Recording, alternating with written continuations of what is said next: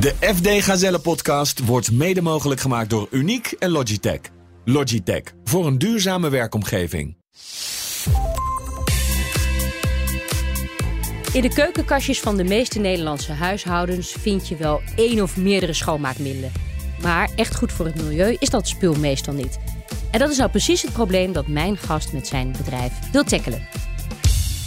Dit is aflevering 9 van de FD Gazelle podcast, editie 2022. Ik ben Hella Huuk en ik neem je in deze tiendelige reeks mee naar de verhalen achter de snelst groeiende bedrijven van ons land. En dat doen we in aanloop naar de uitreiking van de FD Gazelle op dinsdag 22 november. Met deze keer Marcel Belt van de Green Soap Company. Marcel, we beginnen elke aflevering met drie korte vragen. Dus ook graag korte antwoorden van jou. En dan komen we daar in deze uitzending op terug. Verbaast het je dat zoveel mensen nog steeds uh, slechte of zelfs giftige schoonmaakmiddelen kopen? Ja, dat verbaast me enorm. Omschrijf eens in drie woorden wat voor type ondernemer jij bent. Ik, dat zijn een paar meer woorden, maar ik ben van niet lullen maar poetsen. Wat heb jij nodig om je bedrijf nog veel groter te maken dan nu het geval is? Groei, groei, groei. En dat is uh, met name in het buitenland waar wij de komende jaren op gaan focussen.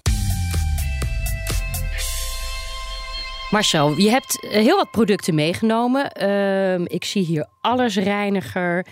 Ik zie hier uh, shampoo, wat, wat, echt een soort stuk zeep is, wat je gewoon zo in je haar moet, uh, moet doen. Waar ben je het meest trots op?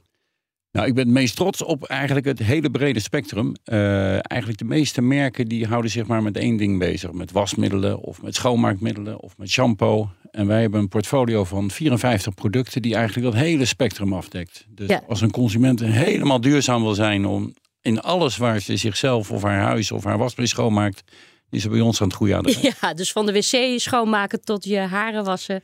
Ja, en dat, dat leek aanvankelijk leek dat best een uitdaging. Want uh, wie uh, doet nou zeep in zijn haar uh, van hetzelfde merk waar ze ook de toilet mee schoonmaken. Maar het lijkt te werken.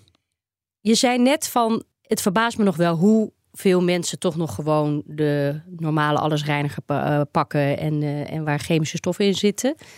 Hoe schadelijk zijn die producten dan eigenlijk? Want ik denk dan, ja, die zijn toch allemaal getest en zo. Nou ja, ze worden natuurlijk al, al decennia lang gebruikt. Uh, maar met zeg maar, de kant waar, uh, waar het klimaat en de natuur op dit moment opgaat, is het echt belangrijk dat we op een gegeven moment grote stappen gaan maken. In verpakkingen, in herkomst van grondstoffen en ook in het type grondstoffen wat we in onze producten stoppen. En dat zijn een aantal thema's die wij dus in onze productlijn proberen aan te stippen. Eén, bijvoorbeeld verpakkingen. Al onze verpakkingen zijn van 100% gerecycled materiaal gemaakt. Dus dat zijn oude flessen die al bij uh, mevrouw van Vliet in Rotterdam-Zuid uh, drie weken op het, uh, keuken, of op het keukenaanrecht heeft gestaan. Um, de, de formuleringen, daar zit bijvoorbeeld onze wasmiddelen, maar ook onze vaatwastabletten en een aantal andere producten. Die zijn allemaal palmolievrij, waarmee we gewoon het issue op tafel willen leggen van jongens, we kunnen met z'n allen prima palmolievrije producten maken. Mm -hmm. Het is niet dat het niet mogelijk is, maar het is gewoon dat mensen het niet, uh, andere leveranciers het niet kunnen of niet willen. Ja, en waar ben je dan anders nog onderscheidend in, in de grondstoffen die je gebruikt ten opzichte van de grote producenten van, uh, van shampoos en alles? Wij laten een heleboel additieven eruit. Er zitten nog steeds, het zal je verbazen, maar er zitten nog steeds heel veel producten waar microplastics in zitten. Uh, al onze producten zijn volledig zonder microplastics. Um, al onze producten zijn 100% vegan. Dus wij gebruiken alleen maar uh, niet-dierlijke ingrediënten. Hè, terwijl veel producten gewoon nog dierlijke glycerine en allemaal dat soort producten gebruiken. Nou ja, ik vind als je dan toch uh, vegetarisch wil worden, begin dan met je was- en schoonmaakmiddelen, zou ik zeggen. Want, maar maakt het net zo goed schoon, maar zo? Ja, dat is bijna, het is chemisch niet van elkaar te onderscheiden. Een plantaardige glycerine of een dierlijke glycerine. Het is alleen een stukje duurder. Jouw ondernemersavontuur begon zo'n zes jaar geleden. Uh, net als Google in je schuur. Uh, waar je in jezelf als een kleine Willy Wortel aan de gang ging om al je producten te testen. Schets dat eens eventjes. Hoe ging dat? Ja, ik uh, was op een gegeven moment gestopt met werken om de zorg voor mijn drie dochters op me te nemen. En ja, dan als de kinderen naar school zijn, dan ga je toch achter je computer zitten en een plannetje bedenken over wat je allemaal zou kunnen. Ik heb heel lang bij grote bedrijven als Unilever en Reckitt Benckiser gewerkt. En met die kennis dacht ik van wow, ik zou best wel eens een keer een, een mooi lichtgroen uh, was- en schoonmaakmiddelmerk op de markt willen zetten. En lichtgroen is dus niet het hele strenge, serieuze, donkergroene uh, product... wat je bijvoorbeeld hebt met een merk als Ecover of een aantal andere merken in de markt. Maar gewoon een product wat, wat, wat frivoler en wat, wat lichter is. En als je dus kijkt naar, naar de consumenten en de indeling van consumenten in de Nederlandse markt, ongeveer zo'n 60% van de consumenten is lichtgroen. En maar vijf. Wat, wat bedoel je dan met lichtgroen? Ik moet, moet toch Ja, even geholpen worden, deze marketing. Ja, eh, ja, lichtgroen, dat zijn mensen die gewoon echt wel begaan zijn met duurzaamheid en klimaat. En best wel stapjes willen maken om op een gegeven moment toch wat, eh, wat duurzamer eh, te gaan leven. Maar daar niet alles voor aan de kant willen zetten. Markt met de Q-mensen. Bijvoorbeeld, bijvoorbeeld. Maar ook iemand die wel een auto voor de deur heeft staan, maar zegt van joh, ik pak gewoon drie keer in de week de trein of, of de fiets. Want ik hoef niet elke dag met die auto. En iemand die gewoon drie keer in de week vegetarisch eet. Gewoon om te zeggen, nou, ik vind het eigenlijk ook wel lekker om gewoon eens een keer wat anders te eten. En er hoeft niet elke keer eh, eh, vlees op tafel te staan elke avond. Een van mijn dochters, die noem ik een, een kip-vegetariër. Dus zij, zij is vegetariër, maar kip vindt ze toch wel heel erg lekker. En vindt ze ook wel leuk om dat gewoon te blijven eten. Nou, als iedereen kipvegetariër zou worden, zou een beetje jammer zijn voor de kippen natuurlijk. Maar dan zouden heel veel problemen in de, in de bio-industrie al opgelost zijn. Ik snap het. Ja, en lichtgroen is dus ook een grote doelgroep. Natuurlijk. Dat is ongeveer 60% van de Nederlandse bevolking. En dan heb je tussen de 5 en 10%, dat zijn de donkergroene mensen. Natuurlijk fantastisch dat die er zijn, dat zijn de voorlopers. En daarnaast heb je nog, zoals wij dat noemen, 30% grijze consumenten. Dat zijn consumenten die ja, gewoon niet met duurzaamheid of klimaat eh, bezig zijn. Om soms hele goede redenen. Hè. Dat kan om financiële redenen zijn, maar dat kan ook gewoon zijn om het feit dat ze het klimaat eigenlijk, dat ze het eigenlijk allemaal wel mee vinden vallen. Nog even terug naar het begin van jouw ondernemersavontuur. Eh, Je zat dus met je computertje in je, in je schuurtje. Je reed in die jaren zelfs met je fiets langs winkels. Klopt. Iedereen thuis moest meehelpen. Ja, dat was, eh, dat was een hele. Nou, dat zeggen veel ondernemers, maar de pionierstijd dat dat het leukste is, inderdaad. En inderdaad, op mijn eh, toevallig over een groene fiets, eh, inderdaad, elke middag. want dan was het, we hadden een klein webwinkeltje in het begin ook. En toen, even door, het is half vier, we moeten opschieten, want om vijf uur gaat het postkantoor dicht. Dus we moeten alle pakketjes, hè, de zes of acht of twintig bestellingen die we in het begin hadden op een dag, die moesten we nog snel even allemaal inpakken. Dus dan werd even iedereen eh, erbij geroepen om, eh, om snel te zorgen dat die pakketjes klaar waren en dat die naar het postkantoor konden. En in het begin kon het allemaal eens, in één keer in mijn mandje voor op mijn fiets. En op een gegeven moment moest ik twee keer op en neer fietsen. Dus toen moesten we nog vroeger beginnen. Ja, dat zijn wel, eh, wel leuke dingen. Maar ik kan me ook wel voorstellen dat het thuisfront af en toe zegt...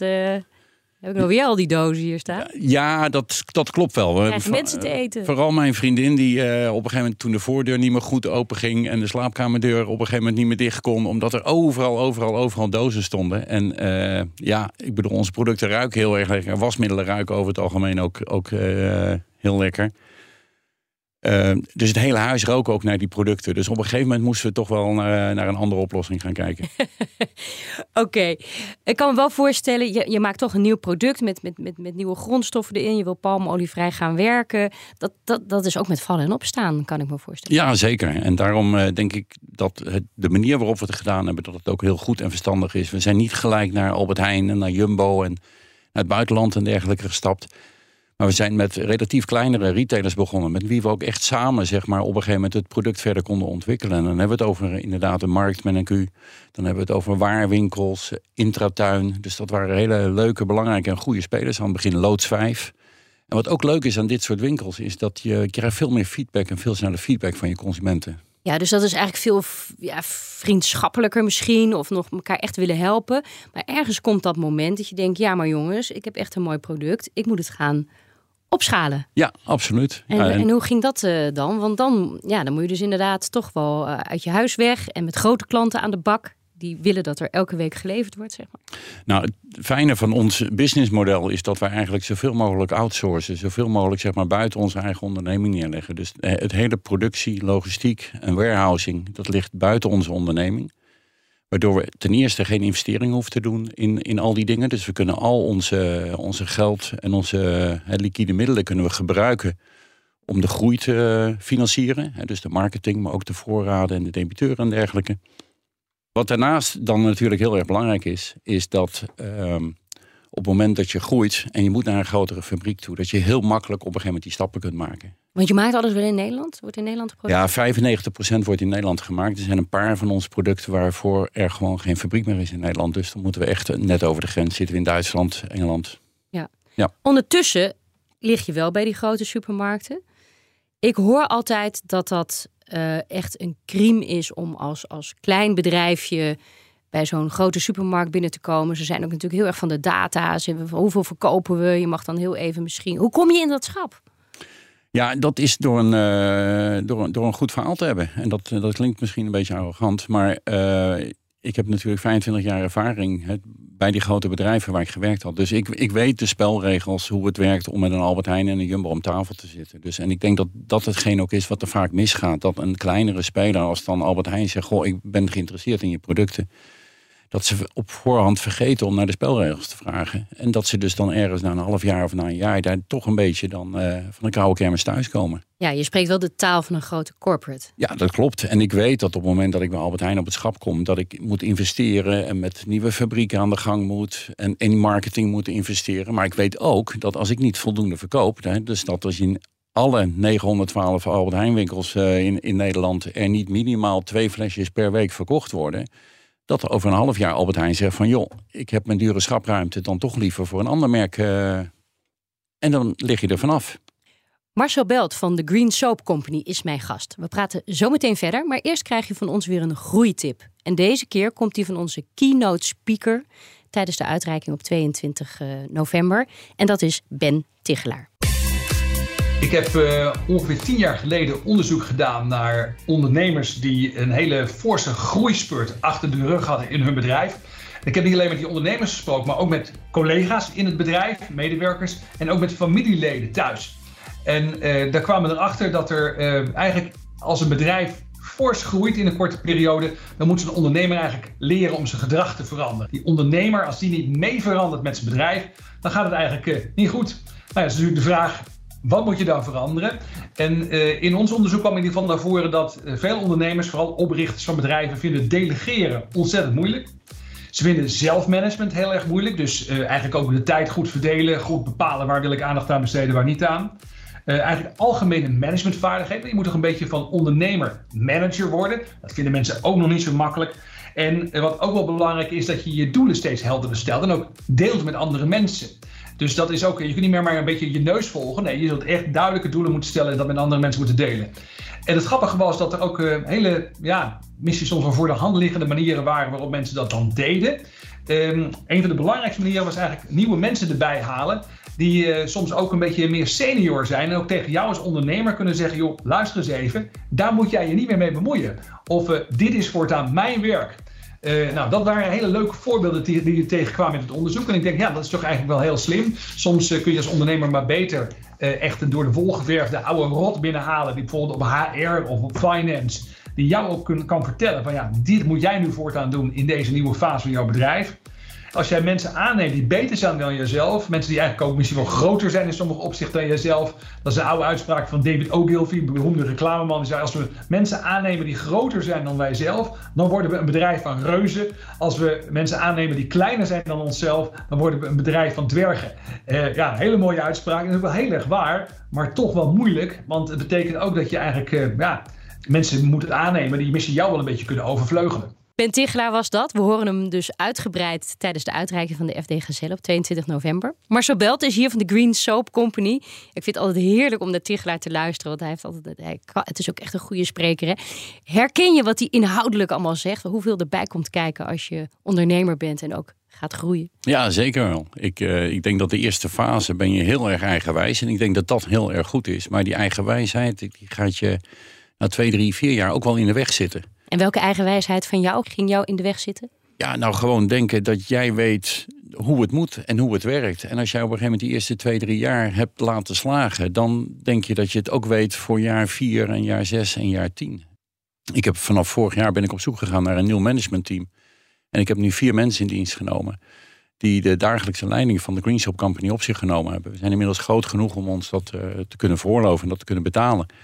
En ik ben dus echt ook uit die dagelijkse leiding gestapt om, om hun aan het roer te zetten en hun op een gegeven moment die volgende fase te laten maken. Want jij dacht, hier zit nu niet mijn kracht. Nee, nee ik denk dat, dat ik op een gegeven moment, hè, wat ik, waar ik zeg maar de eerste vijf, zes jaar de stuwende factor uh, achter de Green Show Company was, dat ik op een gegeven moment langzaam maar zeker de remmende factor begin te worden. Wat gebeurde er dan in je bedrijf? Nou ja, iedereen kijkt, uh, kijkt naar mij. En dat is uh, aan de ene kant heel erg leuk en soms ook wel vlijend. Maar dat, is, dat werkt remmend op zijn onderneming. Want iedereen die wacht totdat ik ergens goedkeuring opgeef. Of iedereen die wacht totdat ik het, het, het, het woord uitspreek van... oh, we gaan naar links of we gaan naar rechts. Terwijl er nu een veel meer, een veel gezondere team zit van mensen... die ook specifieke expertises hebben op marketing, op finance, op sales... En eh, die gewoon echt de dialoog aangaan binnen de organisatie. Ja, want hoe groot ben je nu dat je deze stap hebt kunnen zetten? Nou, we hebben zo'n 13 miljoen omzet op dit moment. Dus uh, dan hebben we het over ongeveer zo'n 10 miljoen flesjes wat er uh, per jaar geproduceerd wordt. Dus dat is inmiddels niet meer in mijn bijkeuken of in mijn schuurtje achter. En uh, wij zijn met ongeveer 15 mensen. Ja, dus dat is nog redelijk te overzien qua organisatie. Toch heb je gedacht, ik doe zelf een stap terug. Op welk moment heb je dat bedacht? Was, dat, was er echt een aanleiding voor? Of dacht je echt gaande, moest iemand dat tegen jou zeggen? Van Marcel, tip moet je echt anders gaan doen?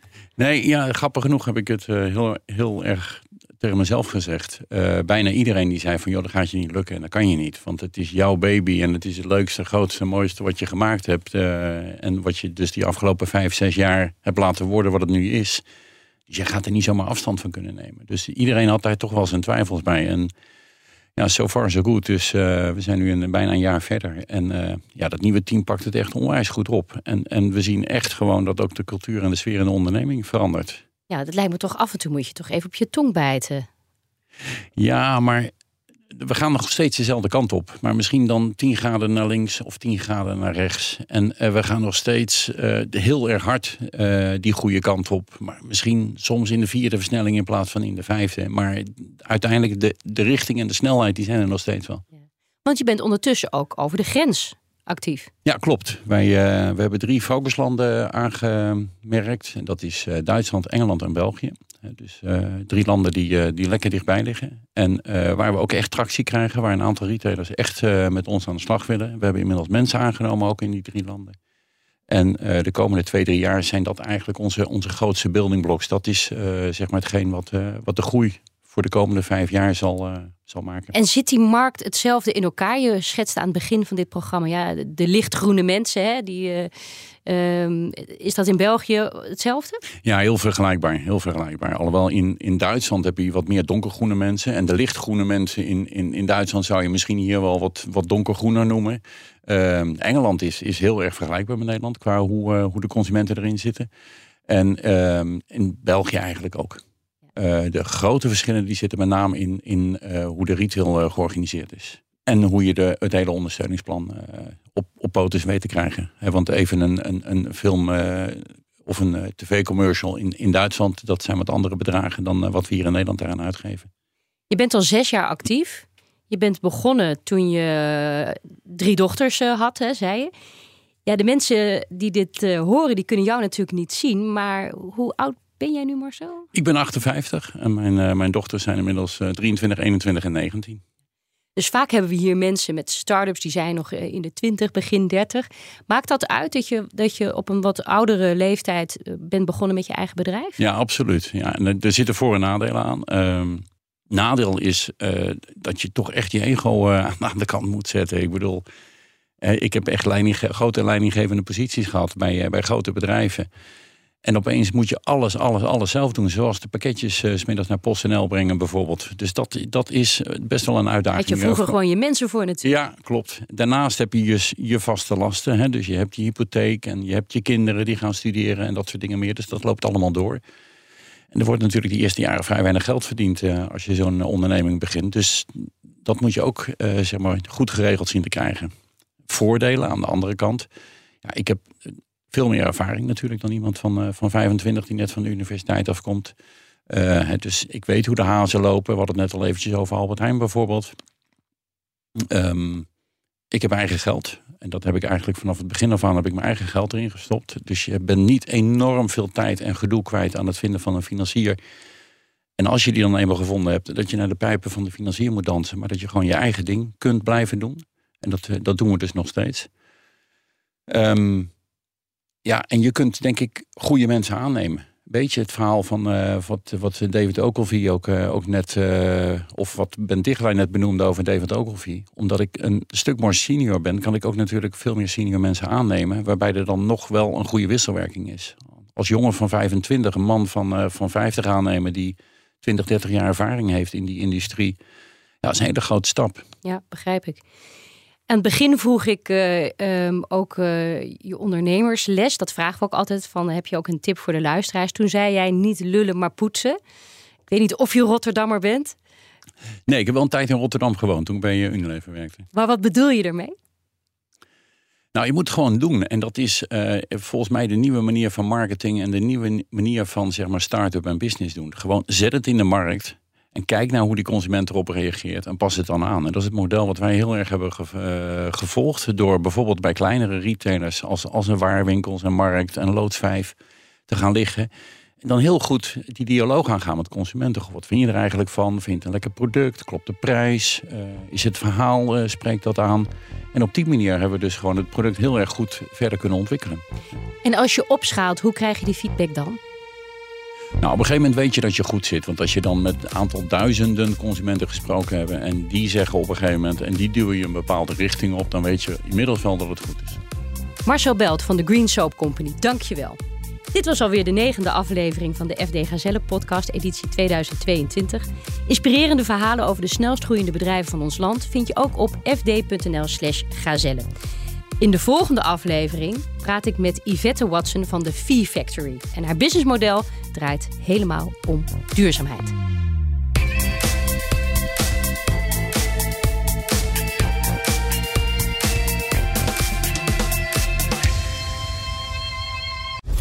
De FD Gazelle podcast wordt mede mogelijk gemaakt door Uniek en Logitech. Logitech voor een duurzame werkomgeving.